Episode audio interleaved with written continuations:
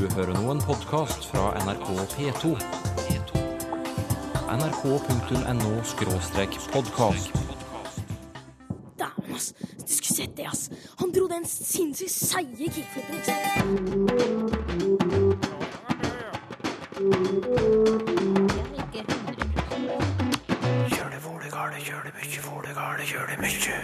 Hva er det som gjør kommentarene i gamle filmaviser litt eh, komiske? Hvorom allting er. Resultatet blir at de 80 mesterfiskerne i løpet av seks timer Altså, taletempo. Han snakker jo fort, vår venn. Unge bruker konservativt språk for å markere tilhørighet. CP og Sne og Solen og Kuen, og, og det er ikke måte på.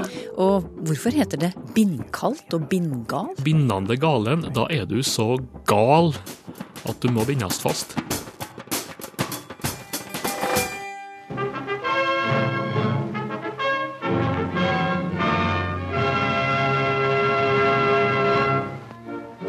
Våren 1647 begynte det norske postverket sin virksomhet, og i denne måneden feirer det sitt 300-årsjubileum. Til å begynne med var det Lyd fra en av de mange filmavisene som ble vist på kino, bl.a. på 40- og 50-tallet. Denne er fra 1947 og ble kalt Ukerevyen. Det høres nesten litt komisk ut, skriver lytter Erlend Hammer. Han sikter til måten kommentarene blir lest på i slike gamle filmaviser.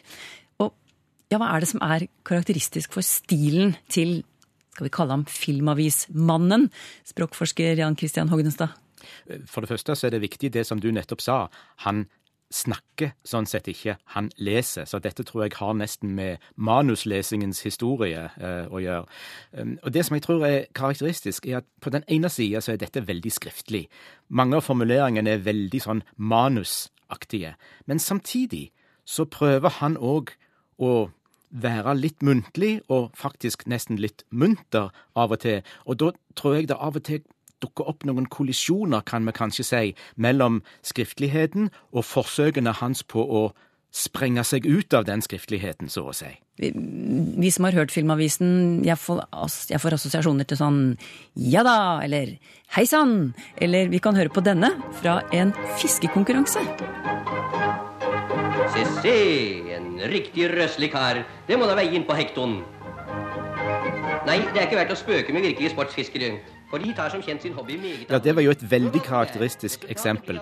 Eh, og jeg tror nesten jeg vil si at munterheten her virker litt påtatt. Og denne påtatte munterheten er nok noe av det som skaper komieffekten som lytteren har uh, merka seg. Noe annet uh, du vil trekke fram som typisk for kommentarlesing i de gamle filmavisene?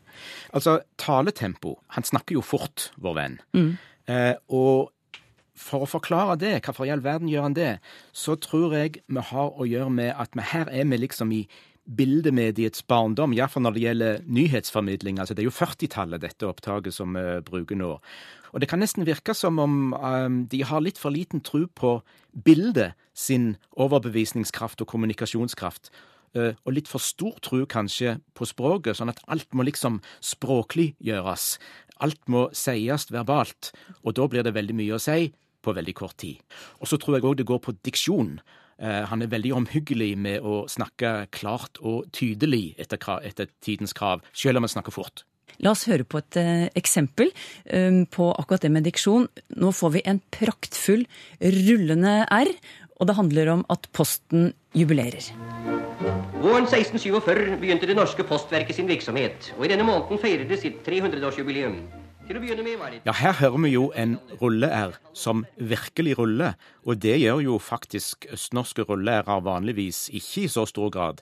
Eh, Jeg har faktisk hørt denne kjemperullende R-en omtalt som teaterskole-R-en, så jeg lurer på om de faktisk eh, eh, underviste i den type R på teaterskolen i, i gamle dager. Så den var nok kanskje et kjennemerke på den gode diksjon. Mm, og du, da er vi over på fonetikken, som er ditt spesialfelt, Jan Christian Hoggenestad. Kan du forklare noe som jeg syns er merkelig, og det er disse e-ene som nesten blir til ø på slutten av et ord. Hør her.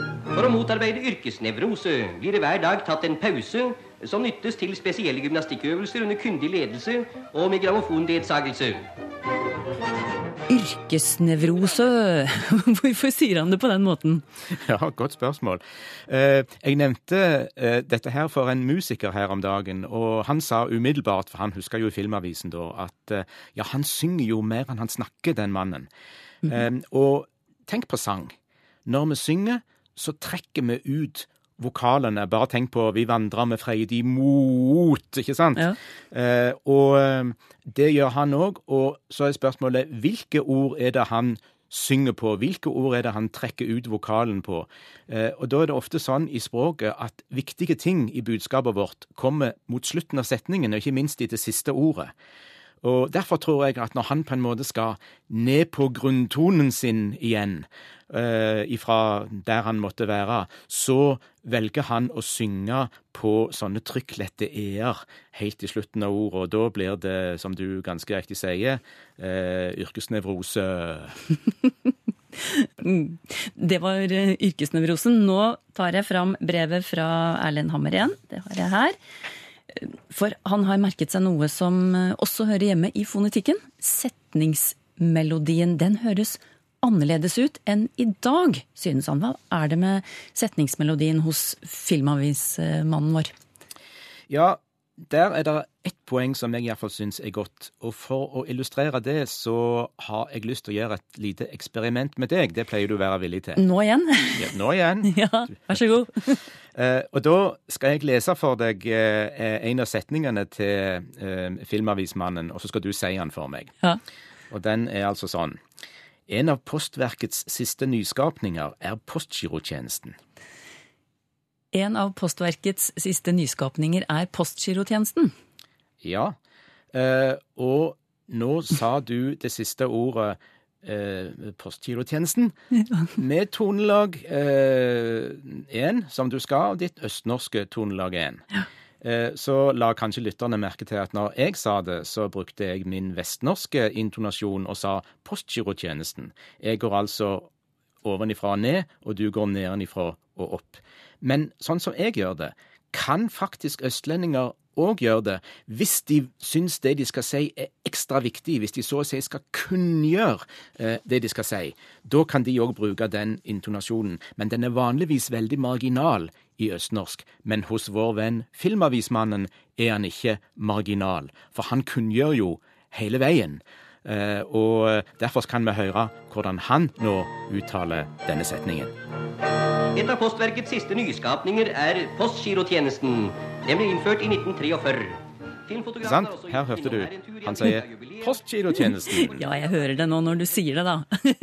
Ja. Postgirotjenesten. Og, og, og når den effekten der kommer mange ganger, Ja. Så gir det intonasjonen et veldig spesielt preg, og jeg tror det kan være en av de tingene folk biter merke i. Ja. Men, men Hammer, eh, lytteren vår, han spør jo om tonefallet har forandret seg i eh, bokmål, som han skriver. Da regner jeg med at eh, han mener det talemålet vi bl.a. finner i, i Oslo-området. Har det forandret seg? Nå er det sånn at tonefall forandrer seg over tid, akkurat som alt annet i språket. Men jeg er ikke sikker på om vi skal bruke Filmavismannen som eh, sannhetsvitne på det, altså, for jeg tror dette er mer typisk for denne sjangeren enn for eh, talemålet sånn generelt sett. Men en liten ting som jeg lurer litt på. Jeg har hørt noen påstå, med krav på pålitelighet, at stemmeleie eh, iallfall i enkelte typer Oslo-språk tradisjonelt var relativt høyt. Og det er typisk for Filmavismannen. Han har høyt stemmeleie. Det er til og med noen som påstår at stemmeleiet stemmeleie på Oslo vest var gjennomgående høyere enn på Oslo øst. Men nå bare kolporterer jeg videre noe jeg har hørt. Du, til slutt så har jeg lyst til å legge til at eh, denne kommentarstilen i Filmavisen som vi har snakket om nå, den er beskrevet i en bok som heter Fra filmavis til dagsrevy. Eh, det er Geir Totland som har skrevet den. Og han eh, nevner annet Grierson-tradisjonen etter dokumentarfilmeren John Grierson. Grierson snakker om 'voice of God', altså Guds stemme. En dominerende fortellerstemme som med autoritet styrer hvordan publikum skal eh, tolke bildene. Og Filmavisen formidlet også historiene sine på denne måten, skriver Geir Totland. Det syns jeg var interessant. Ja, det var det, og jeg er jo helt enig i det du refererer der. Og jeg tror at en del av det som autoriteten skal prøve å formidle her, det er det vi kan kalle framtidsoptimismen. For her var det jo snakk om å gjenoppbygge landet, og da får vi en sånn eh, hei hvor det går-stemning.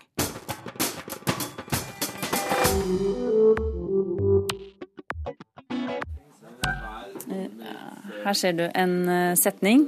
Jeg sa det til Ole. Hvis du skal bytte ut navnet Ole med det personlige pronomenet, da. Hva vil du si da? Jeg sa det til han.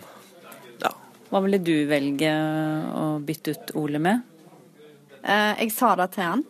Jeg vet jo ikke hva et personlig pronomen er engang, så det, dette blir Men hva ville du sagt da, hvis du skulle bare snakka sånn som du snakker? Jeg sa det til han. Selvfølgelig ham. Jeg sa det til ham. Han eller ham? For mange av oss er det naturlig å bruke han. Jeg så han komme, jeg sa det til han, osv. Men så kommer det dumpende inn en e-post fra en ung lytter, 21 år gamle Sigurd Håheim, som skriver Jeg lurer på om pronomene ham er på vei tilbake i det norske språk. Foreldrene mine bruker det aldri, men mange av vennene mine gjør det. Er vi gammeldagse, eller er dette en trend dere også har sett?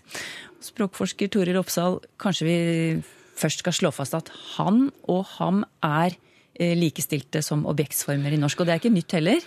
Nei, nå eh, er det sånn at i bokmålet, i skriftspråket, så har han og han eh, blitt tillatt brukt i objektsposisjon eh, allerede i 1917. Og i 1938-normalen så ble han og ham likestilte. Men som du hører av mine fortvilte forsøk på å lage, lage en tydelig eh, forskjell her, så er det, det er vanskelig å høre. Mm. Høre han ham. Ja. Eh, men, men eh, Poenget er at Ja. dette, har, dette har vært likestilte former veldig lenge. Men, ja. men jeg forstår eh, Sigurd eh, Håheim dit hen at dette ikke dreier seg om å skrive, eh, men det, det dreier seg om å snakke. Det snakker om Ja, eh, eh, snakking, om ja. det muntlige. Mm. Og, ja. Men du, altså Han spør om han og kompisene er gammeldagse som bruker ham. Eller om det har blitt, har blitt en trend. Eh, Ja. ja, vil du svare? Eh, Ham? vet du hva? Dette syns jeg er et uh, veldig artig spørsmål, fordi jeg mener at det ikke er noen motsetning mellom gammeldags og trend. Og det er kanskje noe du vil ha ut... Ja, Ja. den må du forklare. Ja, da syns jeg vi skal snakke litt om dette en stund, jeg. Ja. Men eh, Sigurd Håheim, han har helt rett i at objektsform, han, er vanlig i muntlig talespråk hos veldig, veldig mange. Eh, Og det er også en utfordring å høre forskjell. Eh, Men jeg har, som Sigurd, observert denne ham-bruken. Eh, Og også som ham eh, blant unge mennesker. Eh, Og det er kanskje litt ja, det er, litt uventa. Eh, For det, vi opplever ellers, det er jo at eh, disse eh, subjekts- og objektsformene faller sammen. Sånn at vi hører eh, han, han, de, de, hun, hun. Eh, Hos unge mennesker nå, særlig i eh, østlandsområdet, så hører du mye hun, hun og ho, ho også. Ja, sånn Eh, eksempel ja. 'jeg sa det til hun'. Ja, mm. Altså det, jeg, det jeg lurer på, er jo hva vil Sigurd og vennene hans Ja. oppnå med å bruke uh, ham? For en de sier til og med selv altså dette er, er, dette er gammeldags, sier de Ja. egentlig. Det gjør de, og her kommer da uh, min tanke også om at dette er et særegent fenomen. Eh, men det er et fenomen som henger sammen med veldig mange andre fenomener knytta til det å være ung. og det å være en vennegjeng, eh, som Sigurd er del av her. Det dreier seg om et uttrykksbehov og et behov for å markere en egenart og en tilhørighet. Og det gjør unge mennesker bl.a. ved å skape et eget eh, vokabular. Slang er jo et klassisk eksempel på dette, hvor du da skaper nye betydninger, du bruker ord på nye måter, du setter sammen ord. Men det du også gjør, er jo å låne ord. Men du, hvilken egenart er det Sigurd og vennene hans vil, vil markere ved å, å bruke en, ja, si en konservativ form Ja. som ham? Altså her har de, altså ikke, de har ikke lånt et ord eller en frase fra et annet språk. Eh, De har rett og slett lånt en frase fra en eldre generasjon eller fra et skriftspråk. Eh, Og hvorfor gjør de dette?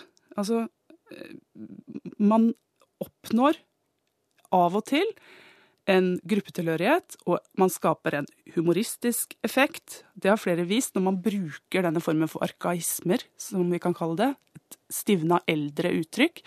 Særlig i eh, noen dialektstudier så ser man at unge mennesker bruker eldre dialektformer på nye måter. Men det er jo ikke så veldig hva skal jeg si, moro med han, er det det? Det er en smakssak, kanskje, om, han Ja. ham er morsomt. ja. Eh, Men, men jeg har sett tilsvarende og hørt tilsvarende bruk av en altså veldig bevisst bruk av konservative språkformer. Der unge mennesker som særlig har tilhørighet i Oslo vest, bruker ord som besteforeldregenerasjonen, eller som er knytta til et veldig konservativt skriftspråk. Har, har du noen eksempler? Ja, eh, sepe og sne og solen og kuen, og, og det er ikke måte på. Og en, eh, en ung gutt eh, eh, som vi har opptak av, han forteller jo også at dette er ikke noe foreldrene ber han om. De retter på hverandre i venneflokken, og det blir et humoropplegg, sier han. Men likevel så handler dette kanskje eh, om noe annet enn bare det å være sammen og være ung. Ja, hva handler det om da? Eh, det kan handle om et ønske om å markere hvor man kommer fra. At det rett og slett er en måte å fylle ut et bilde der noe forsvinner, der tradisjonelle dialektforskjeller forsvinner, så skaper man nye. Og da kan man gå tilbake og hente eldre former og bruke dem på nye måter. Altså, hva er det som har forsvunnet av, av, ut av dialekten som, som gjør at de vil eh, bruke gamle former for jo, jo, jo, eh, Ja. altså, vi, landsgyldig så kan du si at det gjelder veldig mange, eh, for ikke å si nesten alle de trekkene som vi kaller for markerte trekk. De trekkene som gjør en dialekt til det den er. Som skiller den fra nabodialekten. For Oslos vedkommende så er det jo veldig mange ting vi kunne trekke fram. Eh, genussystem, altså, Altså kjønn. hunnkjønn, eh, har dere vært inne på uh, i andre bysammenhenger også. Det ser vi jo i Oslo. Eh, Det dreier seg om eh, a-endelser, det dreier seg om trykkforhold, det dreier seg om verbbøyinger, pronomensystemet. Det er, i grunnen veldig, veldig mye. Det som gjør dialekten lokal. Slik at det er, den blir ikke så tydelig som en dialekt. Skillet mellom øst og vest i Oslo rent språklig har blitt eh, nei, visket ut på mange Ja, vis. det- Sånne ting du tenker på. Det, det er den Mm. type, og også Mm. i andre, andre områder. Mm. Så det er et ønske om å skape en ny, ny og tydelig tilhørighet til stedet. Mm. Kanskje ikke når det gjelder ham, eh, fordi den ikke er så markert, men likevel så er det noe av den samme prosessen, eh, tror jeg, fordi vi har et tydelig ønske og behov for å tilhøre og markere noe som er litt større enn oss sjøl.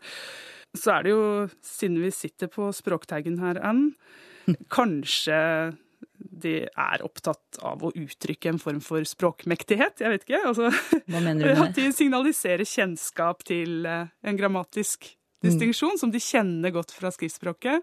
Det kan hende. Ja. Men kanskje dette, hvis dette er en ham-renessanse, så er det jo på sett og vis en gladsak for de som er opptatt av å opprettholde denne tydelige distinksjonen, hvis de fins. Ja, da har vi kanskje gledet noen i dag, iallfall. Toril Oppsal er språkforsker ved Universitetet i Oslo.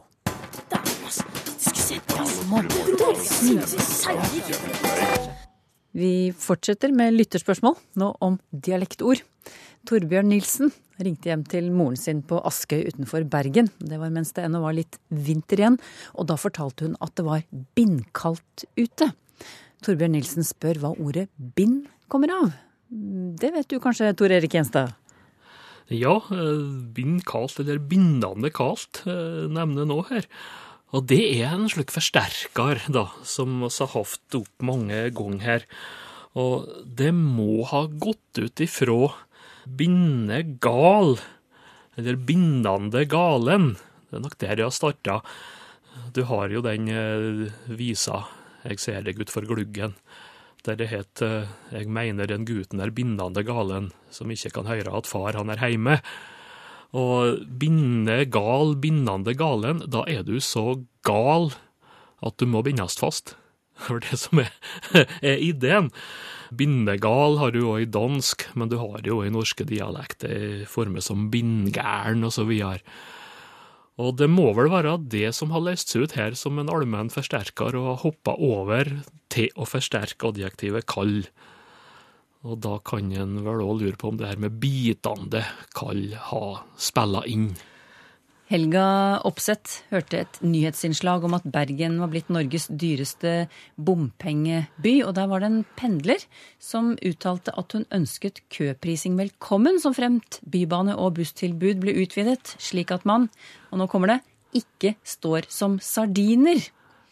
Og eh, Helga Opseth syntes dette her var et veldig artig uttrykk. Eh, hun sier det hørtes ut som denne pendleren var av utenlandsk opprinnelse, og jeg koblet det umiddelbart til vårt eget uttrykk, som sild i tønne. Finnes det andre tilsvarende uttrykk fra andre språk eller dialekter?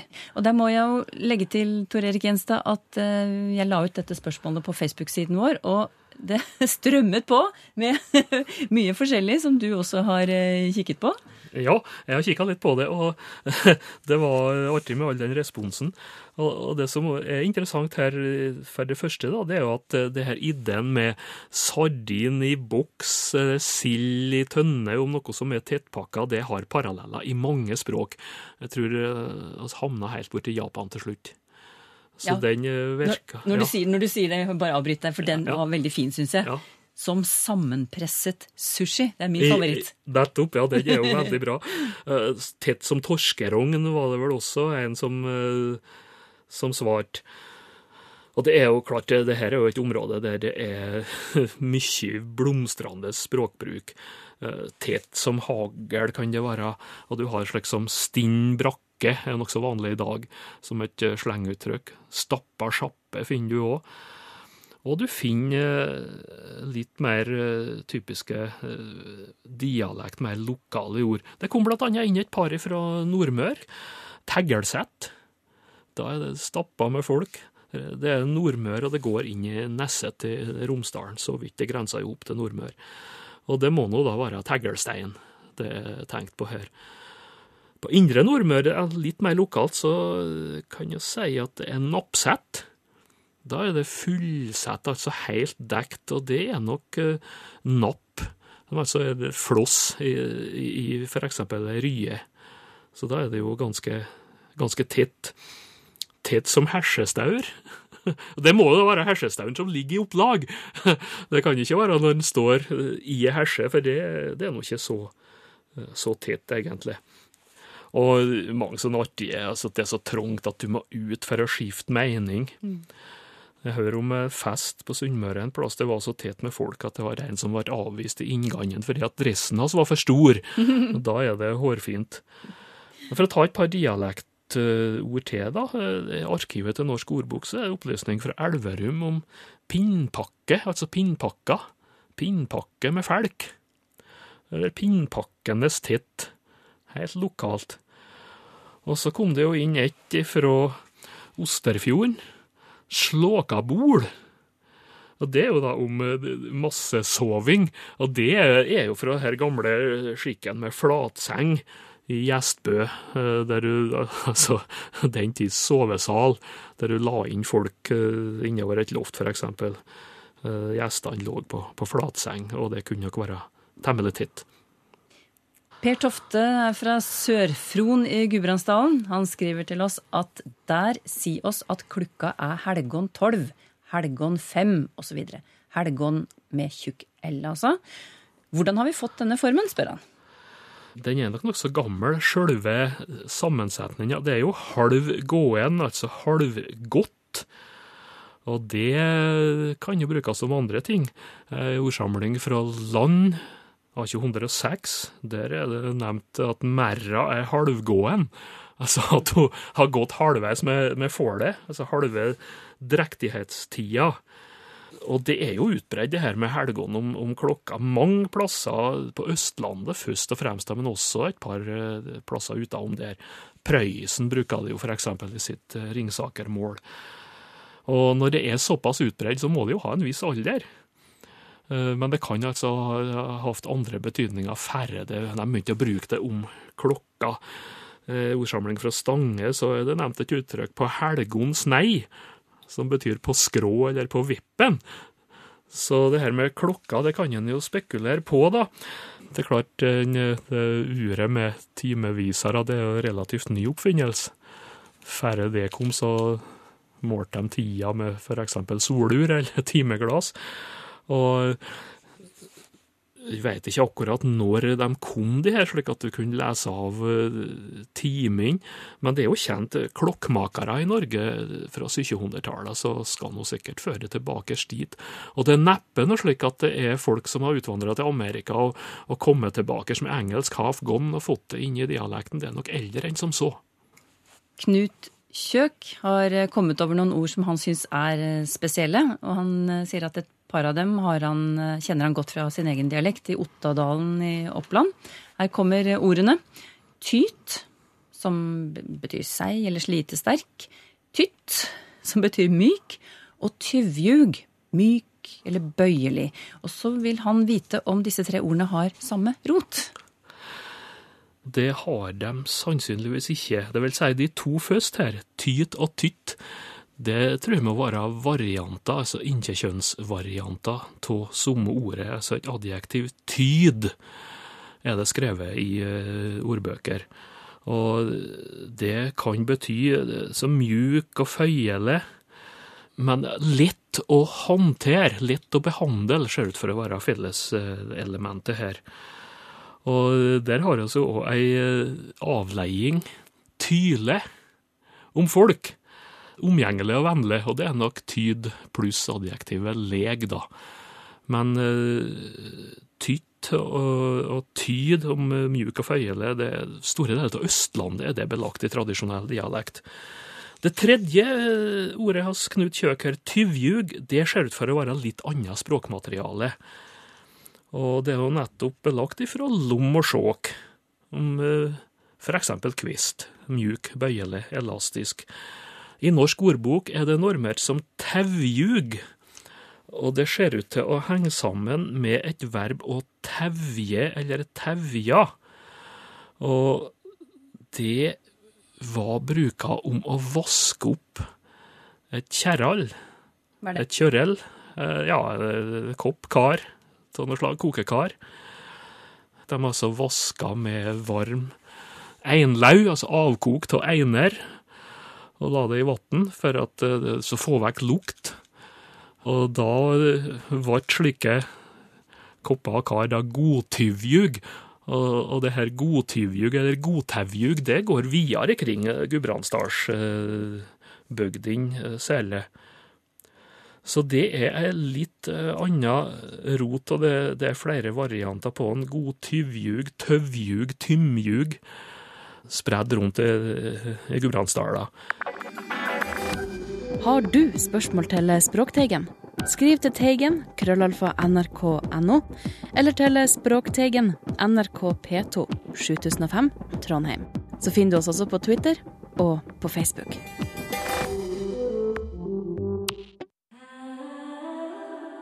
nrk.no podkast.